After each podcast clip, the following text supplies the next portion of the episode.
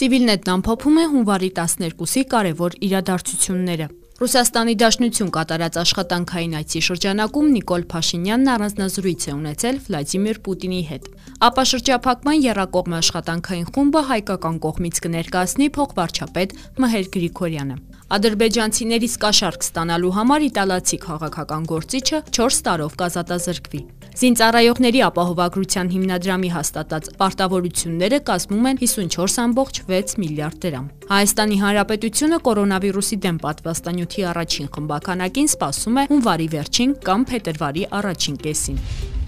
Ռուսաստանի Դաշնություն կատարած աշխատանքային այցի շրջանակում վարչապետ Նիկոլ Փաշինյանը հունվարի 11-ին առանձնազրույց է ունեցել Ռուսաստանի Դաշնության նախագահ Վլադիմիր Պուտինի հետ։ Իր խոսքում Ռուսաստանի նախագահը նշել է, որ դեկտեմբերի 11-ին Ռուսաստանի, Հայաստանի եւ Ադրբեջանի ղեկավարների միջև կայացած հանդիպումն օգտակար էր նրանով, որ իրենք կարողացել են կողմնորոշվել տարածաշրջանի ապագայի եւ տարածաշրջանում հարաբերությունների կառուցման շուրջ։ Իհարկե, առաջին հերթին Հայաստանի եւ Ադրբեջանի միջև։ Պուտինն ընդգծել է, որ հարաբերություններն անկասկած եղել եւ շարունակում են մնալ դաշնակցային։ Այսօր մենք շատ ենք խոսել նաեւ տնտեսության մասին։ Այս կապակցությամբ ցանկանում եմ ընդգծել, որ չնայած դժվար նախորդ տարվան 2020-ի հունվար-հոկտեմբեր ամիսներին, չնայած այդ բոլոր դժվարություններին, մենք ավելացրել ենք առևտրաշրջանառությունը գրեթե 4%-ով, նշել է Պուտինը։ Իր հերթին Նիկոլ Փաշինյանը շնորհակալություն է հայտնել ռուսական կողմին Լեռնային Ղարաբաղում միջգերատեսչական հումանիտար կենտրոն ստեղծելու համար, որի առաջնահերթ նպատակն է տեղում բնականոն կյանքի վերականգնումը։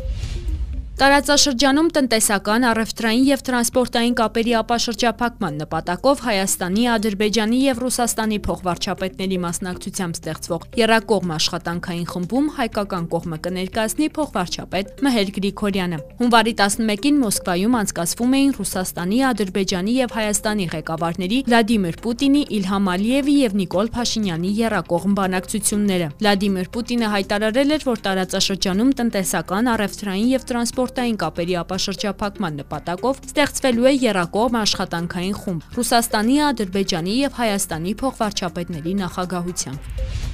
Միլանի դատարանը իտալացի քաղաքական գործիչ Լուկա Վոլոնտեին մեղավոր է ճանաչել Ադրբեջանի ներկայացուցիչներից խոշոր կաշառքներ վերցնելու համար եւ դատապարտել նրան 4 տարվա ազատազրկման կոռուպցիայի համար։ Այս մասին գրում է իտալական La Repubblica թերթը։ Վոլոնտեն լինելով Եվրոպայի խորհրդի խորհրդարանական վեհաժողովի Եվրոպական ժողովրդական կուսակցության խմբակցության ղեկավարը կես միլիոն եվրո է ստացել Ադրբեջանի երկու ներկայացուցիչներից։ Այդքան են գնահատվել Ադրբեջանի քաղաքական բանտարկյալների մասին զեկույցը չհաստատվելուն ուղված նրա ջանքերը։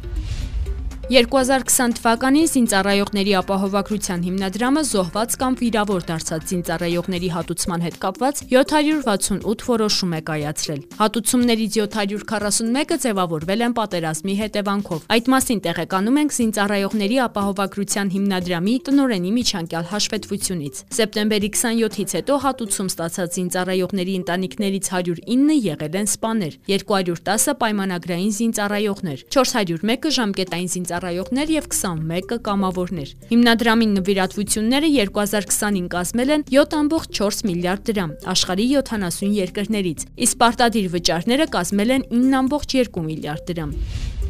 Հայաստանի Հանրապետությունը կորոնավիրուսի դեմ պատվաստանյութի առաջին խմբականակին սպասում է հունվարի վերջին կամ փետրվարի առաջին կեսին։ Այս մասին այսօր կայացած մամուլի ասուլիսին հայտարարել է Հայաստանի Հանրապետության առողջապահության նախարարության հիվանդությունների վերահսկման եւ կանխարգելման ազգային կենտրոնի տնօրենի տեղակալ Գայանե Սահակյանը։ Նրա խոսքով պատվաստանյութեր ձեռք բերելու համար Հայաստանը բանակցություններ է անցկացնում մի քանի ուղություններով։ Ըստ Սահակյանի նախատեսված է պատվաստանյութ ձեռք բերել բնակչության 10%-ի համար։ Սկզբում միայն ռիսկի խմբում պատվաստումներ իրականացնելու համար։ Սակայն դեռ հայտնի չէ, թե պատվաստանյութի որ տեսակը կունենանք սկզբում։